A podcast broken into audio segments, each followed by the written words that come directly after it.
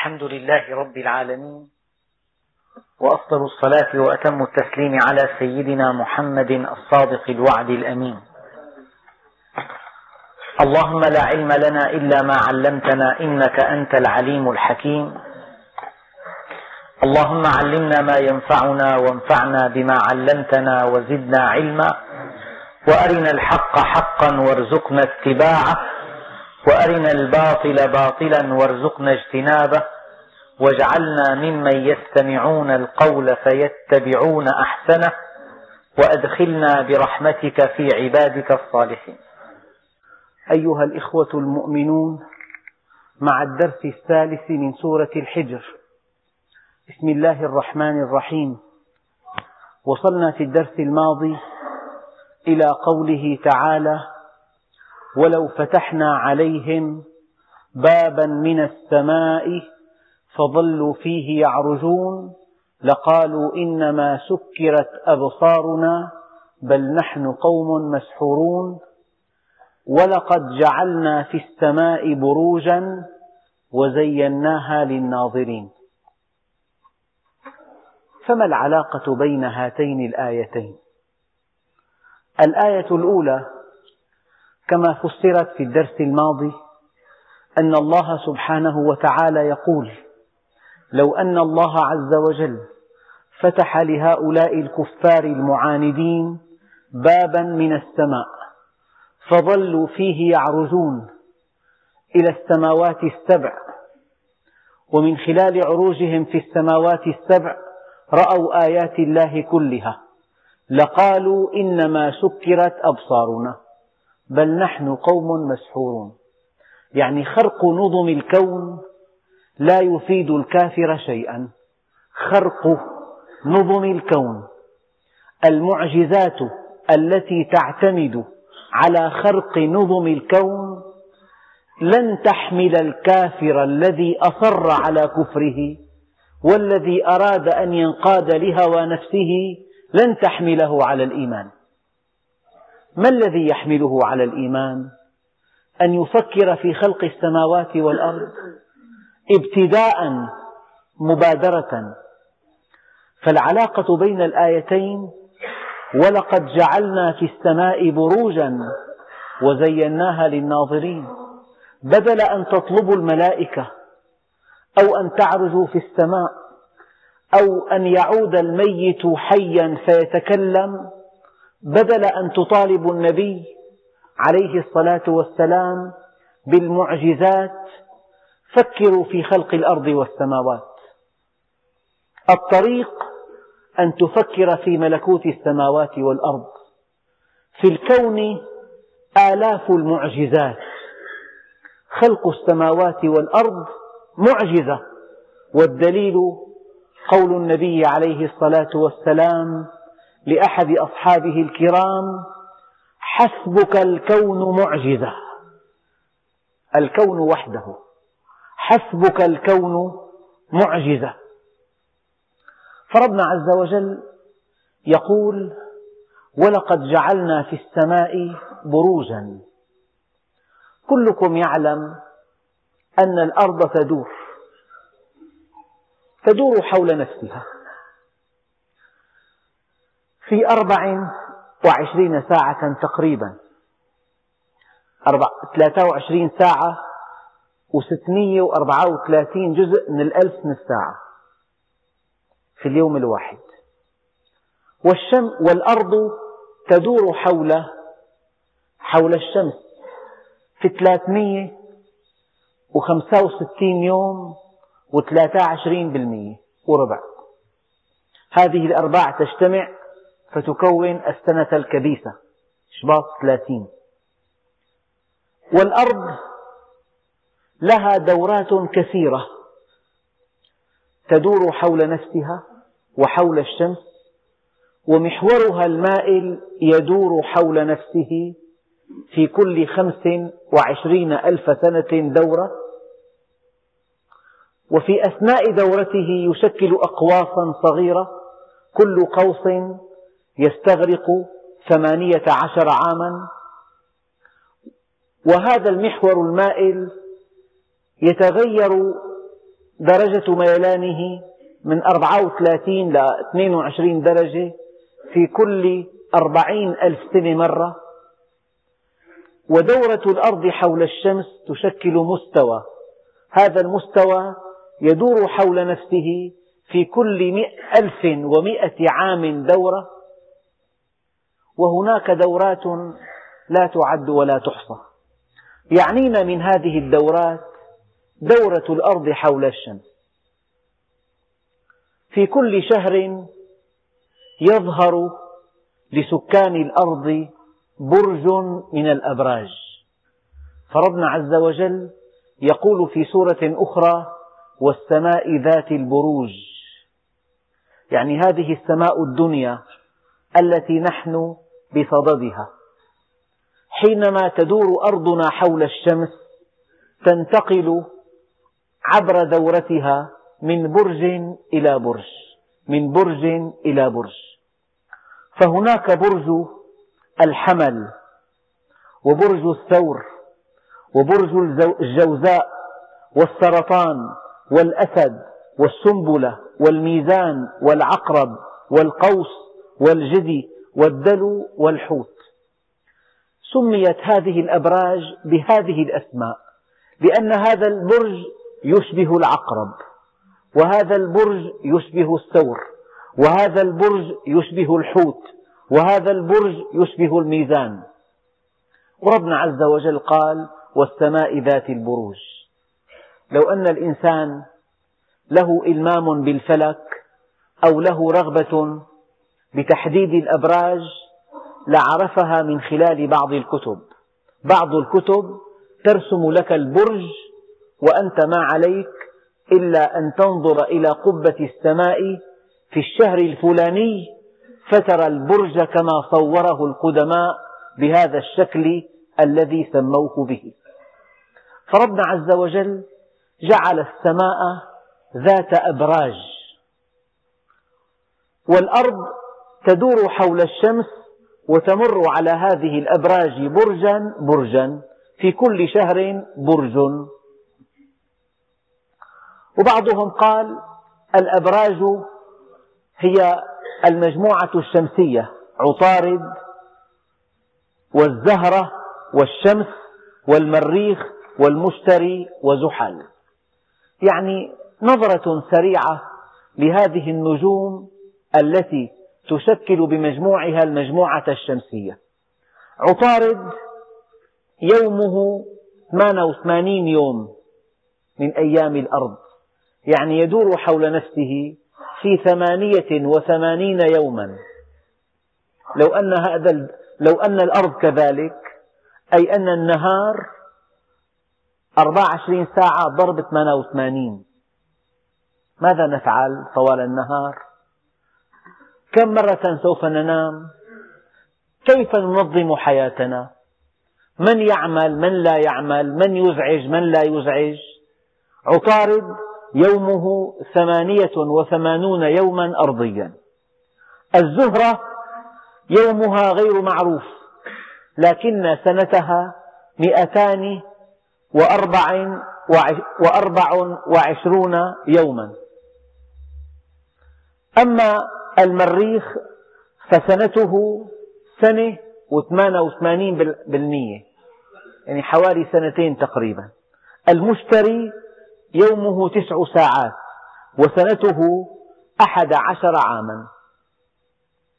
إلى أن يدور المريخ حول الشمس دورة يستغرق أحد عشر عاما.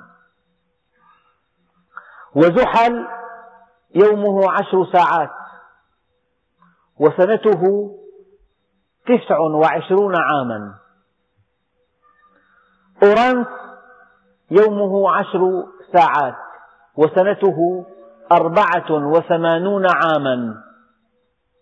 يعني إذا واحد عاش ثمانين سنة على زحل على أورانس بحصل ربيع واحد صيف واحد شتاء واحد وخريف واحد فقط.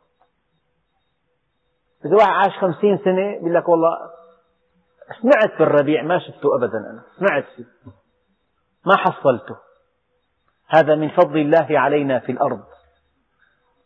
ونبتون يومه خمسة عشر ساعة وسنته مئة وأربع وستون عاما. وأما بلوتو فسنته مئتان وثمانية وأربعون عاما. مئتان وثمانية وأربعون عاما تستغرق دورة هذا النجم حول الشمس.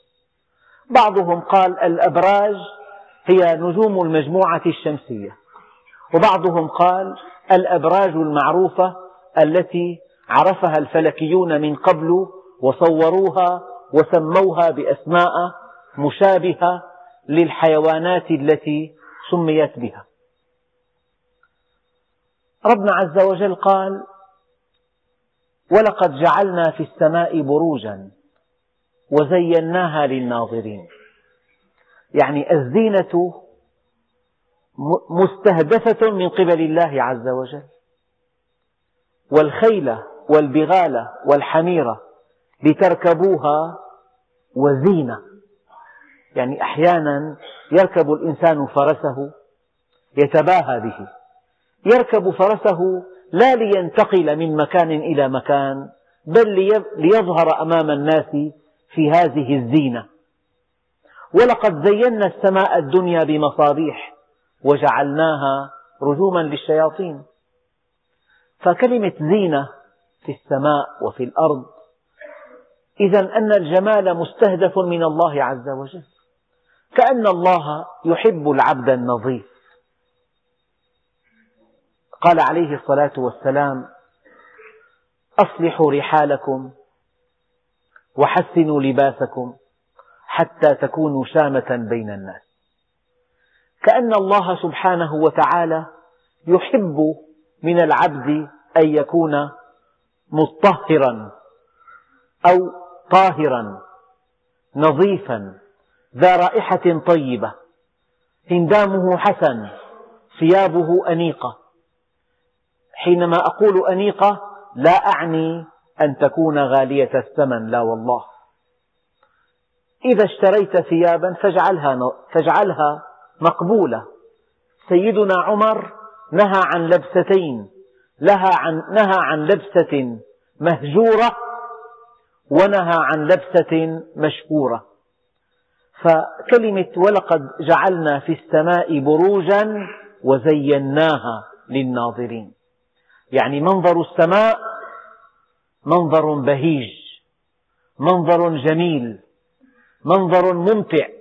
هذه المتعة مستهدفة من قبل الحق جل وعلا.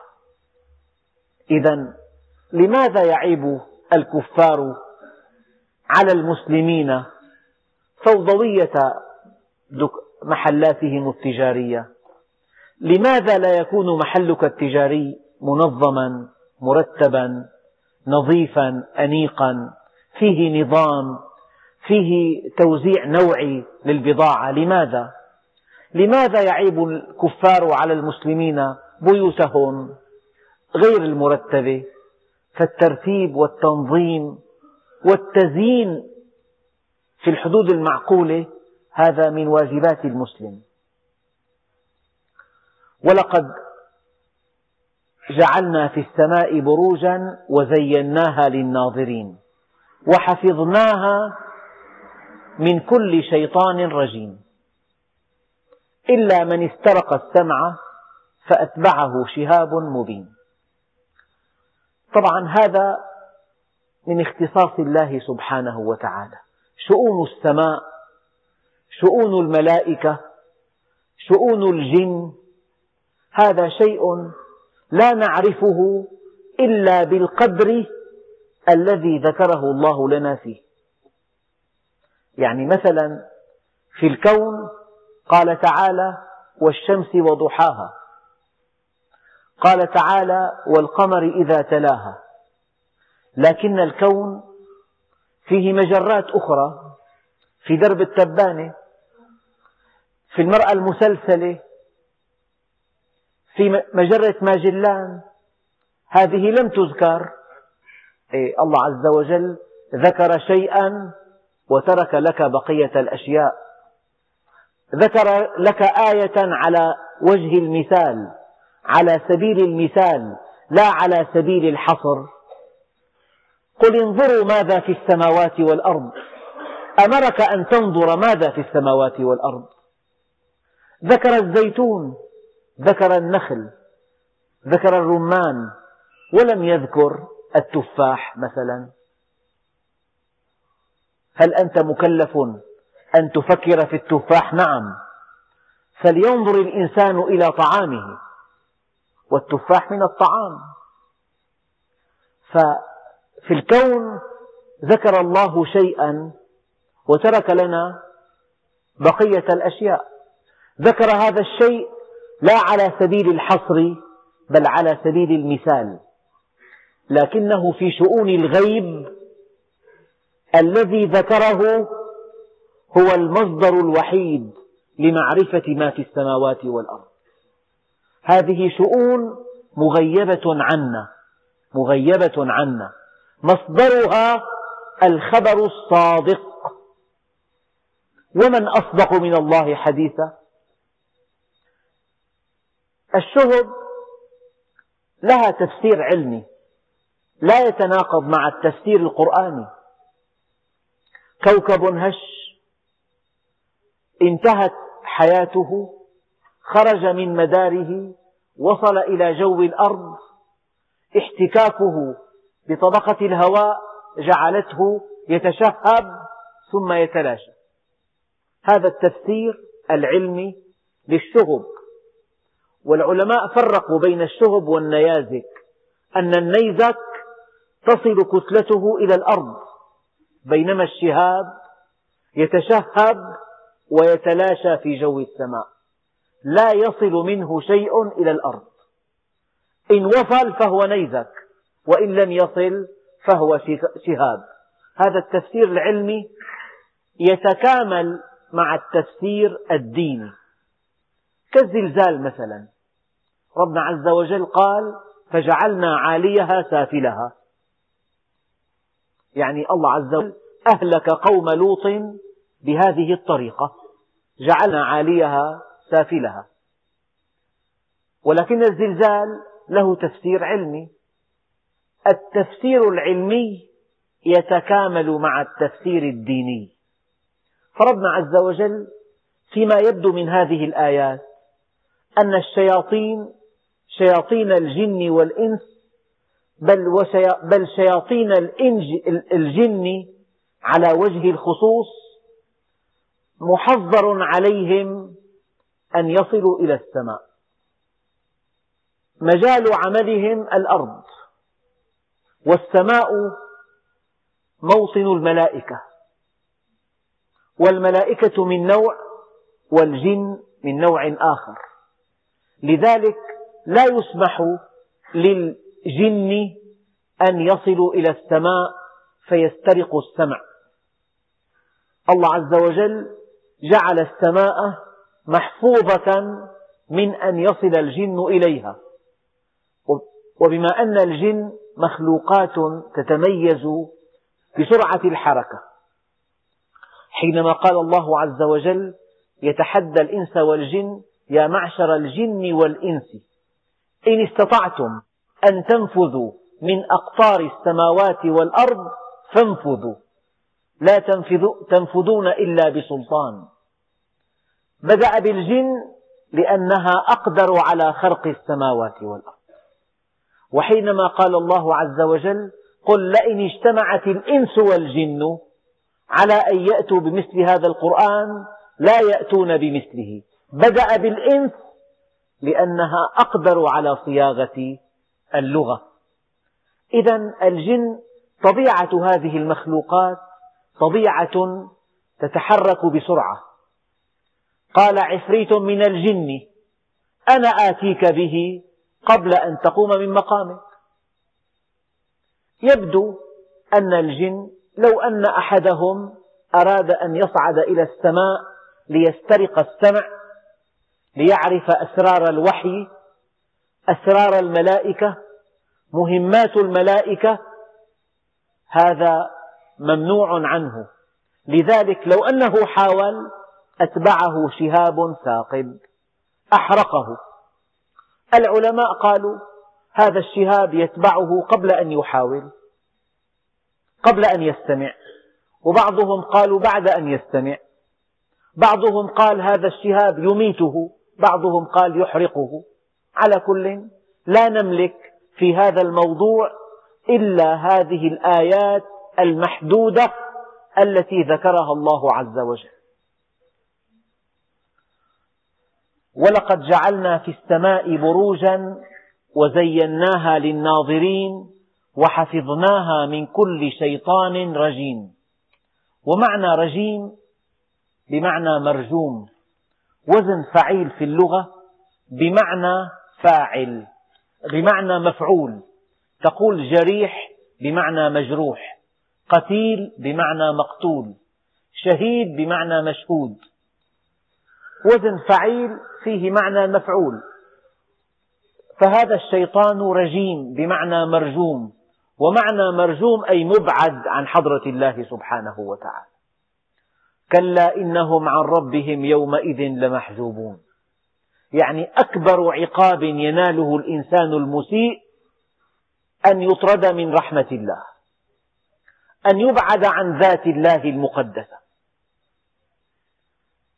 البعد هو الشقاء والقرب هو النعيم. البعد هو الشقاء.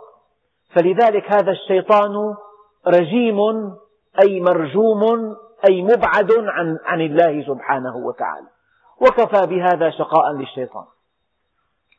وحفظناها هذه السماء من كل شيطان رجيم. إلا من استرق السمع فأتبعه شهاب مبين. إن حاول أحد الجن أن يسترق السمع حينما يستمع إلى الملأ الأعلى الملائكة الذين أوكلهم الله بمهمات.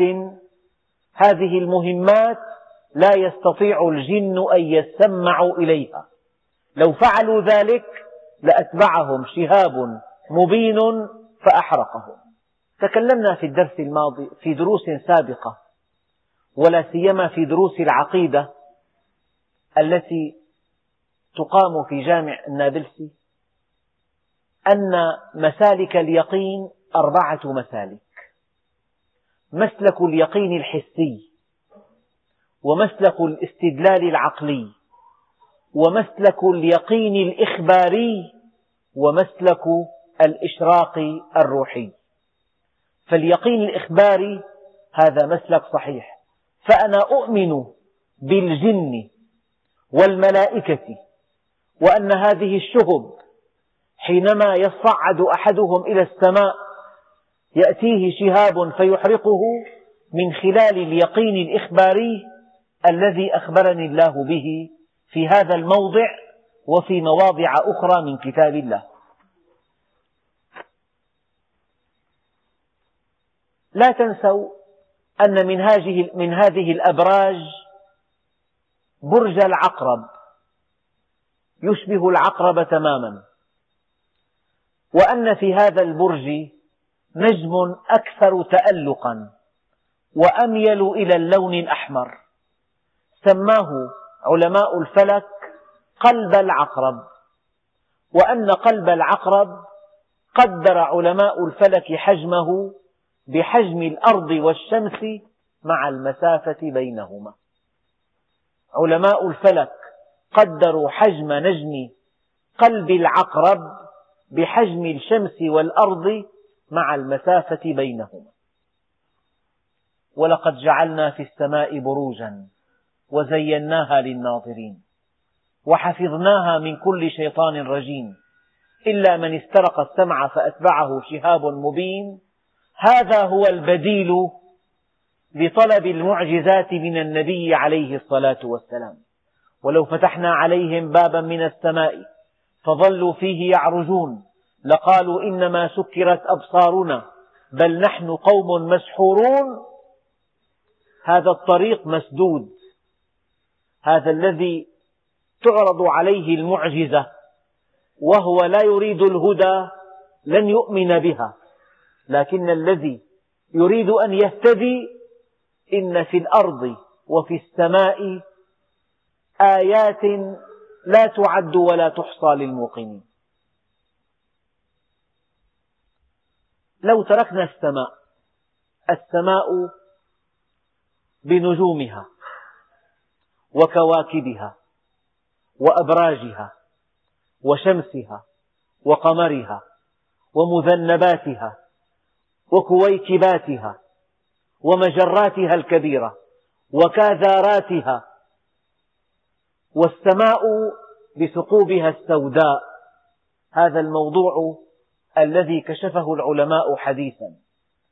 مناطق ذات ضغط يفوق حد التصور.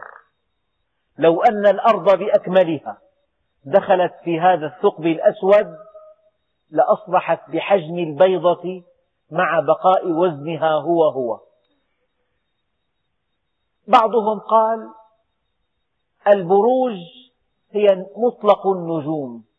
والسماء ذات البروج مطلق النجوم. وبعضهم قال البروج مواقع النجوم.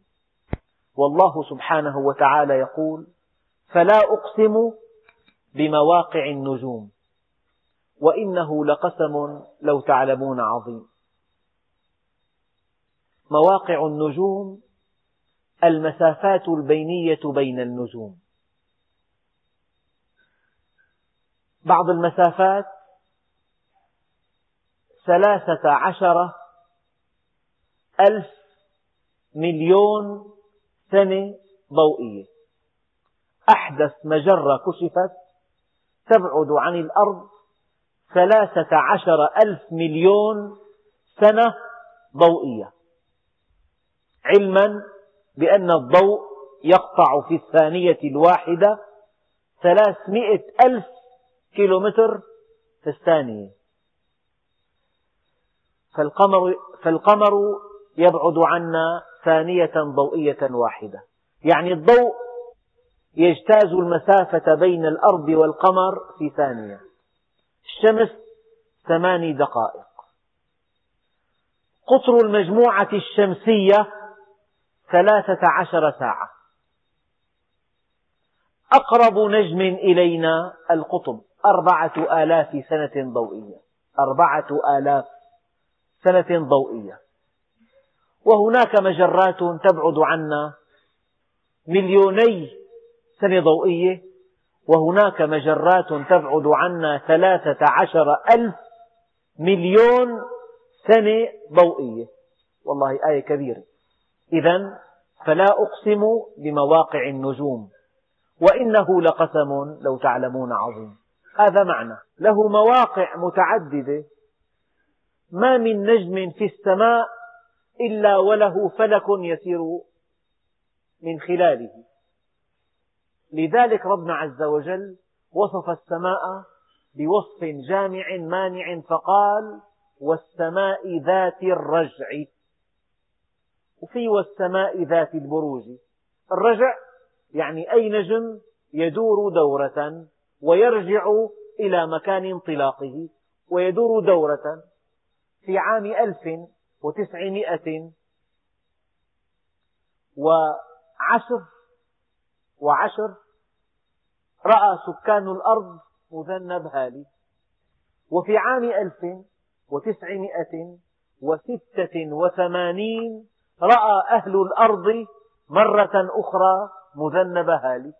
إذا هذا النجم هذا المذنب ينطلق من مكان ما ليرجع إلى المكان نفسه والسماء ذات الرجع.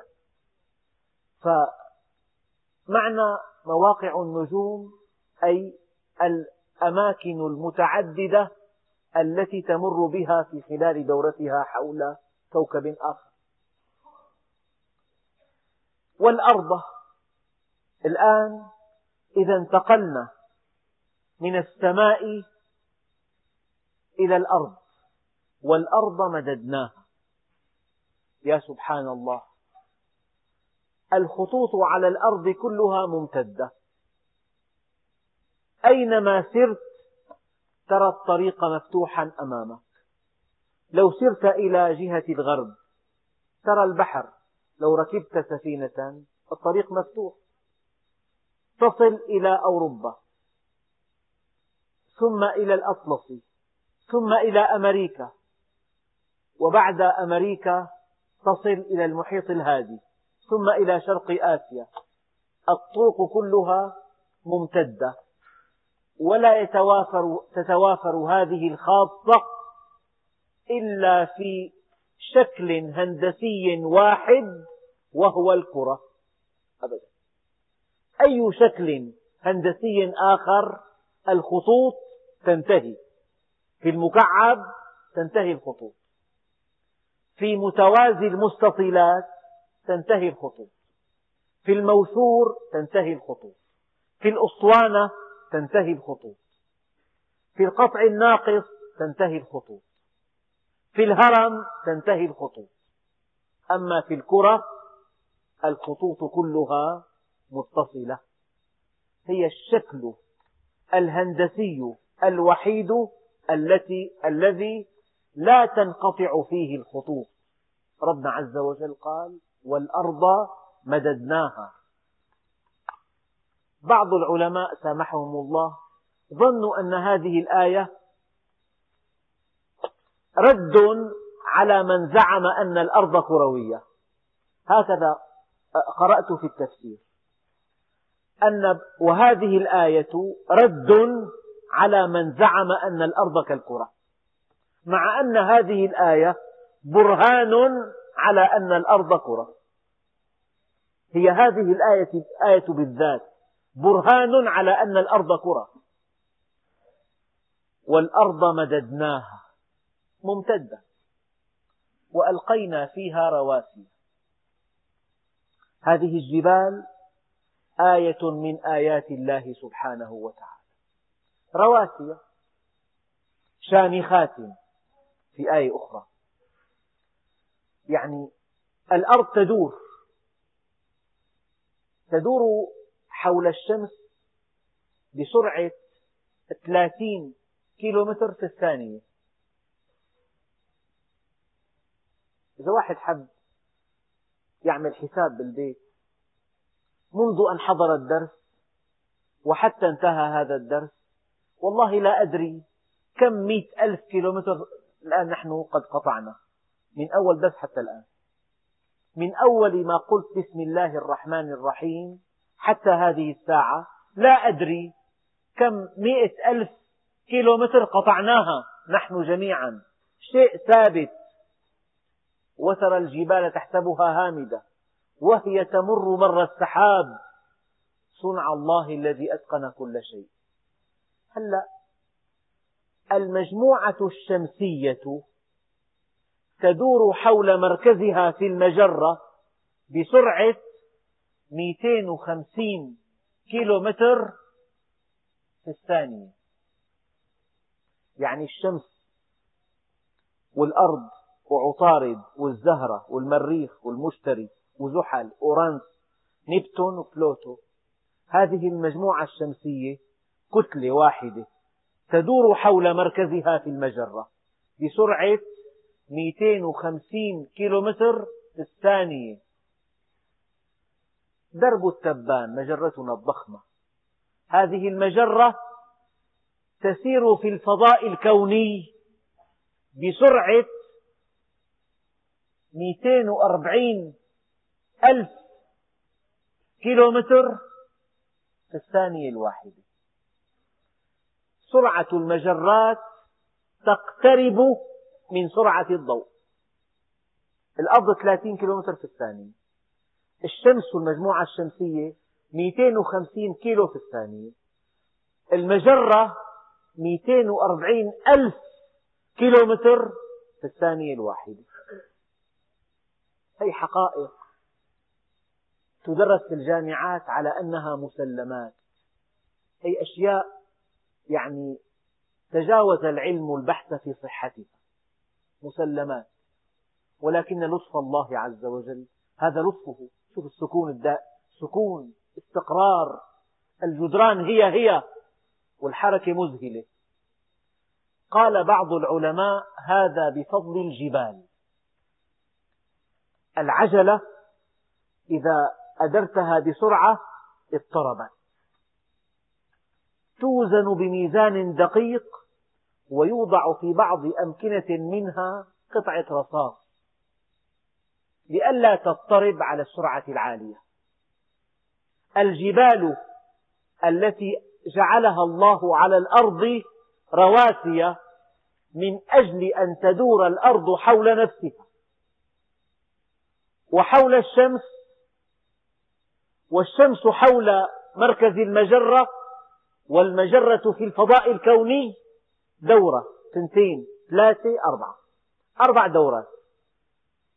حول نفسها دورة وحول الشمس دورة والشمس حول مركز المجرة دورة والمجرة باتجاه نجم في الفضاء الخارجي دورة. كل هذه السرعات والمحصلة سكون تام بفضل هذه الجبال التي وضعت في أماكن محددة وبحجوم محددة بحيث يصبح المآل استقرارا. والأرض مددناها وألقينا فيها رواسي. أما ألقينا كلمة ألقينا هل يلقى الجبل إلقاء؟ يا سبحان الله. معظم الجبال البركانية تشكلت من إلقاء الحمم من أعماق البراكين. كلمة إلقاء الجبل ألقي إلقاء وهذا ينطبق على الجبال البركانية والرسوبية وألقينا فيها رواسي. هذا تفسير. الجبال أيضا ذكرها الله عز وجل في آيات أخرى بأنها أوتاد. أوتاد. لأن الأرض مجموعة طبقات. وهذه الطبقات متفاوتة في الكثافة. لو أنها دارت كل طبقة في الأرض لها عطالة خاصة. ومعنى عطالة أي تستجيب للحركة بسرعة بحسب كثافتها. لولا الجبال لاضطربت الأرض في دورانها. أما الجبال جعلها الله أوتادا. يعني الجبل يربط طبقات الأرض بعضها ببعض فيجعلها كتلة واحدة. لولا الجبال كالبيضة التي تديرها وهي قبل أن تسلق. تضطرب. فيها بياض فيها صفار فيها قشر. كل طبقة في البيضة لها عطالة خاصة فإذا أدرتها تضطرب وتقع. أما إذا سلقت تدور كالبلبل. الدليل أنها تجانست. فهذا الجبل كالوتد يجعل طبقات الأرض كلها متجانسة. والجبال أوتادا. والجبال أكنان مصدات للرياح. الله جعل مناطق دافئة بفضل جبال كالمصدات تمنع الرياح الغربية أو الشرقية. في بعض المنافذ على البحر كحمص مثلا الأشجار كلها مائلة بسبب النافذة التي فتحت بين سلاسل الجبال. فالجبال أكنانا جعلها الله عز وجل كالمصدات. في يوم شديد الرياح الغربية اصعد إلى جبل قاسيون وانتقل إلى جانبه الشرقي ينعدم الهواء كليا. ربنا عز وجل عن طريق الجبال نوع مناخات الأرض. الجبل مصد. ففي سفح الجبل منطقة دافئة. وفي قمته منطقة باردة. يقصد الناس الجبال في أيام الصيف. ويسكنون في سفوحها في أيام الشتاء. أكنانا. والجبال أكنانا. والجبال أيضا جعلها الله عز وجل خزانات للماء. يعني لا أدري إلى أين تنتهي حدود نبع الفيجة. بعضهم قال إلى مشارف حمص شمالا وإلى سيف البادية شرقا وإلى أواسط لبنان غربا وبعضهم قال يمتد هذا جوف هذا النبع إلى مناطق شاسعة شرقا قد تصل إلى إيران. من جعل الجبال أكنان من جعلها خزانات لهذا الماء الذي نستخدمه كل يوم؟ ربنا عز وجل قال والأرض مددناها وألقينا فيها رواسي وأنبتنا فيها من كل شيء موزون. والله الذي لا إله إلا هو. كلمة موزون يعني أردت إن شاء الله تعالى أن أفصل فيها ولكن هذه الكلمة والله لا يكفي عام بأكمله. كي يفصل في هذه الكلمة. شيء موزون. موزون مع ماذا؟ يعني النبات موزون. سكان الأرض. كم طن يحتاجون من القمح في العام كله؟ الله عز وجل ينبت لهم من القمح ما يكفي حاجتهم. من كل شيء موزون. هذا القمح مثلا. هذا القمح مادة أساسية في الحياة. معنى موزون قال العلماء هناك ثلاثة عشر ألف نوع من القمح. يجب أن ينبت في الجبال وفي السهول وفي السواحل وفي أعماق الأرض وفي المنطقة الحارة والباردة والمعتدلة وفي كل أماكن الأرض. لأنه غذاء أساسي للإنسان. لذلك الله عز وجل جعله بكميات تكفي, تكفي حاجة سكان الأرض وجعله بأنواع منوعة تغطي كل المناطق المختلفة.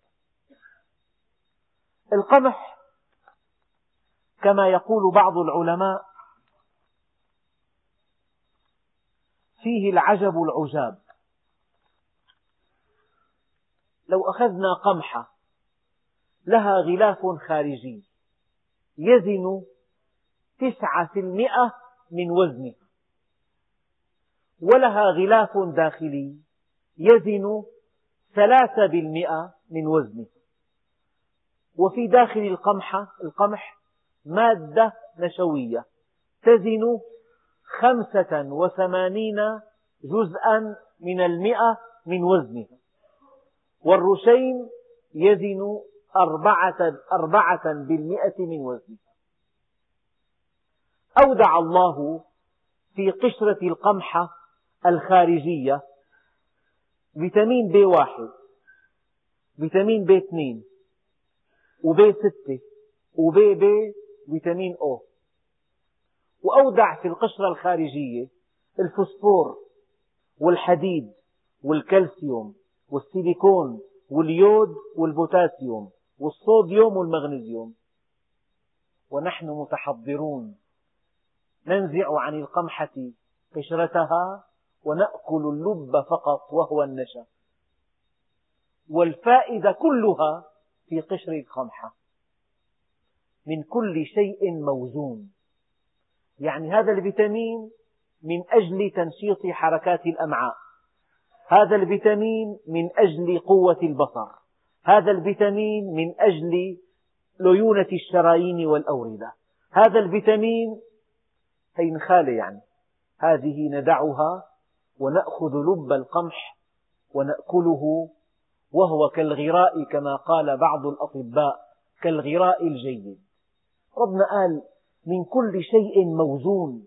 يعني القمحة هي متوازنة توازنا دقيقا دقيقا مع حاجة الإنسان. تحتاج إلى فيتامين بي واحد من أجل حركة الأمعاء. تحتاج إلى فيتامين بي اثنين من أجل شبكية العين. تحتاج إلى فيتامين بي ستة فيتامين بي بي فيتامين أو إلى فوسفور كغذاء للدماغ والأعصاب. إلى الحديد غذاء لكريات الدم الحمراء. إلى كالسيوم غذاء للعظام. إلى السيليكون إلى اليود غذاء للغدة الدرقية. إلى البوتاسيوم غذاء لبعض الغدد الصماء في الجسم. إلى الصوديوم غذاء لمصل الدم. إلى المغنيسيوم هذا كله ندعه جانبا ونأخذ لب القمح ونأكله. هي معنى موزون. يعني القمحة هي خالق الإنسان هو خالق القمح. تركيب القمح يتناسب تناسبا دقيقا معجزا مع تركيب الإنسان. اللفت على سبيل المثال لا على سبيل الحصر. بمعنى من كل شيء موزون. قال أحد النباتات التي تحتوي على أكبر كمية من الكالسيوم. من يشكو ضعف العظام تقوس العظام هشاشة العظام فهذا النبات فيه أكبر كمية من الكالسيوم. وفي كمية مغنيسيوم تقيه من الأورام السرطانية. وفي آزوت ينقي الدم ويحصن العضوية. وفي بوتاسيوم يجنب العضوية تراكم الشحوم. وفي زرنيخ يسهم في تكوين الكريات البيض. وفي فوسفور يقوي الخلية العصبية. وأوراق اللفت غنية بالحديد والنحاس وباليود والفيتامين A و B و C. وعصير اللفت يسهل تفتيت الحصى في الكليتين. ومغلي اللفت يطهر المجاري التنفسية. ويقي الدمامل والخراجات والبثور الجلدية. فهذا ربنا عز وجل لما خلق اللفت. موزون موزون. يعني هذه الآية لحالها تفسيرها لو اطلعت على كتب الطب كلها أو كتب الأغذية ودرست غذاء غذاء ماذا يحتوي؟ لكان هذا الموضوع تفسيرا متواضعا لهذه الآية. شيء موزون. التمر مثلا في فيتامين آ. هذا يساعد على نمو الأطفال. وعلى ازدياد أوزانهم ويحفظ رطوبة العين وبريقها ويعين على الرؤية الصحيحة ويقي العمى الليلي في مادة تترسب على الشبكية. هذه تقي العين عمى الليل وهذه وهذا الفيتامين يقوي الأعصاب ويساعد على السكينة والدعة. كله من هذا الفيتامين. في التمر موجود. يعني لا أستطيع إلا أن أورد بعض الأمثلة. أكثر كلمة تثير الإعجاب كلمة موزون. يعني هذا النبات الذي خلقه, خلقه الله لنا وصفه الله بأنه موزون. يعني يتناسب تناسبا دقيقا جدا مع خلق الإنسان. مع بنية الإنسان مع حاجة الإنسان. في بعض القرى في مصر أقام فيها طبيب ثلاث سنوات ولم يجد حالة حالة واحدة من أمراض القلب. تعجب. فإذا هذه القرية تأكل الترمس. لما العلماء حللوا هذا النبات وجدوا فيه مادة مميعة للدم. مميعة للدم. الملوخية الغذاء الوحيد المرمم للغشاء المخاطي في الأمعاء. الوحيد. الثوم خافض للضغط. مطهر للأمعاء. البصل قال أحد الباحثين أجرى دراسة على مئة, على مئة وخمسين صنفا من النباتات القاتلة للجراثيم. فتبين له أن البصل في مقدمة هذه النباتات. يفوق التفاح في قيمته الغذائية. في كالسيوم عشرين ضعف عما في التفاح كالسيوم. في فسفور ضعفي ما في التفاح. في حديد فيتامينات في كبريت في مادة تعادل الأنسولين. هذه المادة المهمة جدا في الوقاية من أمراض السكر. في مادة بالبصل مقوية للقلب والدورة الدموية. في مادة مدرة للبول والصفراء. في مادة ملينة للأمعاء. في مادة مقوية للقدرة الحيوية. شيء موزون. البصل موزون. طبيعة تركيبه الثوم موزون. السبانخ فيها حديد. العدس فيه حديد. الترمس في مادة مميعة للدم. الملوخية فيها مادة مرممة للغشاء المخاطي في الأمعاء. هذا غيض من فيض. يعني عندي كتاب عن النباتات كلها. لو أردت أن أعرض ما فيه هذا الكتاب يستغرق سنوات تدريسه كل مادة بنيتها تركيبها فوائدها الغذائية والعلاجية. سبحان الله. فكلمة موزون لو أن العلماء في الأرض اجتمعوا على دراسة النباتات واحدا واحدا وتحليلها ما فعلوا؟ بعد كل هذه الدراسات عن, أن عن أنهم فسروا هذه الكلمة. وأنبتنا فيها من كل شيء موزون. الحليب موزون. حليب البقر موزون. حليب الغنم موزون. التفاح موزون. هذا المعنى الأولي. معنى بنية الفاكهة أو أو النبات. في معنى آخر. الحجم الكلي موزون. لو كان التفاح كل شجرة تنتج خمس تفاحات. هذا الإنتاج غير موزون ما بيتناسب مع حاجة الأرض للتفاح. فكلمة موزون تعني كمية الفاكهة وكلمة موزون تعني نوعية الفاكهة. في عنب للعصير في عنب فاكهة, فاكهة نفيسة جدا. في عنب للزبيب في عنب بلا بذر في عنب يعمر طويلا في عنب. يعني أنواع منوعة. ما من نوع من أنواع الفاكهة والخضروات إلا ولها أنواع أنواع منوعة. استهلاك سريع استهلاك مديد. البصل الأبيض طيب لكن استهلاك لا يمون هذا يؤكل مباشرة. أما للتموين الأصفر هذا شيء يعني هذا معلومات تحتاج إلى خبراء بهالمعنى كلمة موزون كم نوع فاكهة فيه؟ كم نوع خضروات؟ كم نوع محاصيل؟ كميات الأنواع وعدد الأنواع. التفاحة مثلا الشكل موزون. لو كان الشكل قميء اللون مزعج منفر الحجم موزون. لو التفاحة قد البطيخة. أكلنا قسم سودة لو البطيخة قد العنبة نص قشر ما بتاكل معنا. العنب له حجم البطيخ له حجم الكمثرى لها حجم القمح له حجم موزون. لو كان القمح ينضج تباعا كالفواكه غير موزون. المحاصيل تنتج في تنضج في يوم واحد والفواكه تنضج تباعا.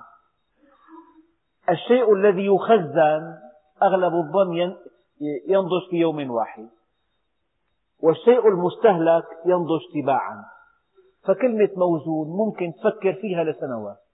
سنوات هذا الطعام الذي تأكله. كيف هو موزون؟ وأنبتنا من كل فيها من كل شيء موزون. طبعا في موضوعات عن التمر موضوعات عن البصل والثوم موضوعات عن الفجل موضوعات عن بعض الفواكه والثمار. يعني المعلومات لا يتسع لها مسجد ولا ساعة من ساعات التفاسير. ولكن لكن المؤمن يأخذ أول الخيط يأخذ أول الطريق. لو أتيح لك أن تقرأ عن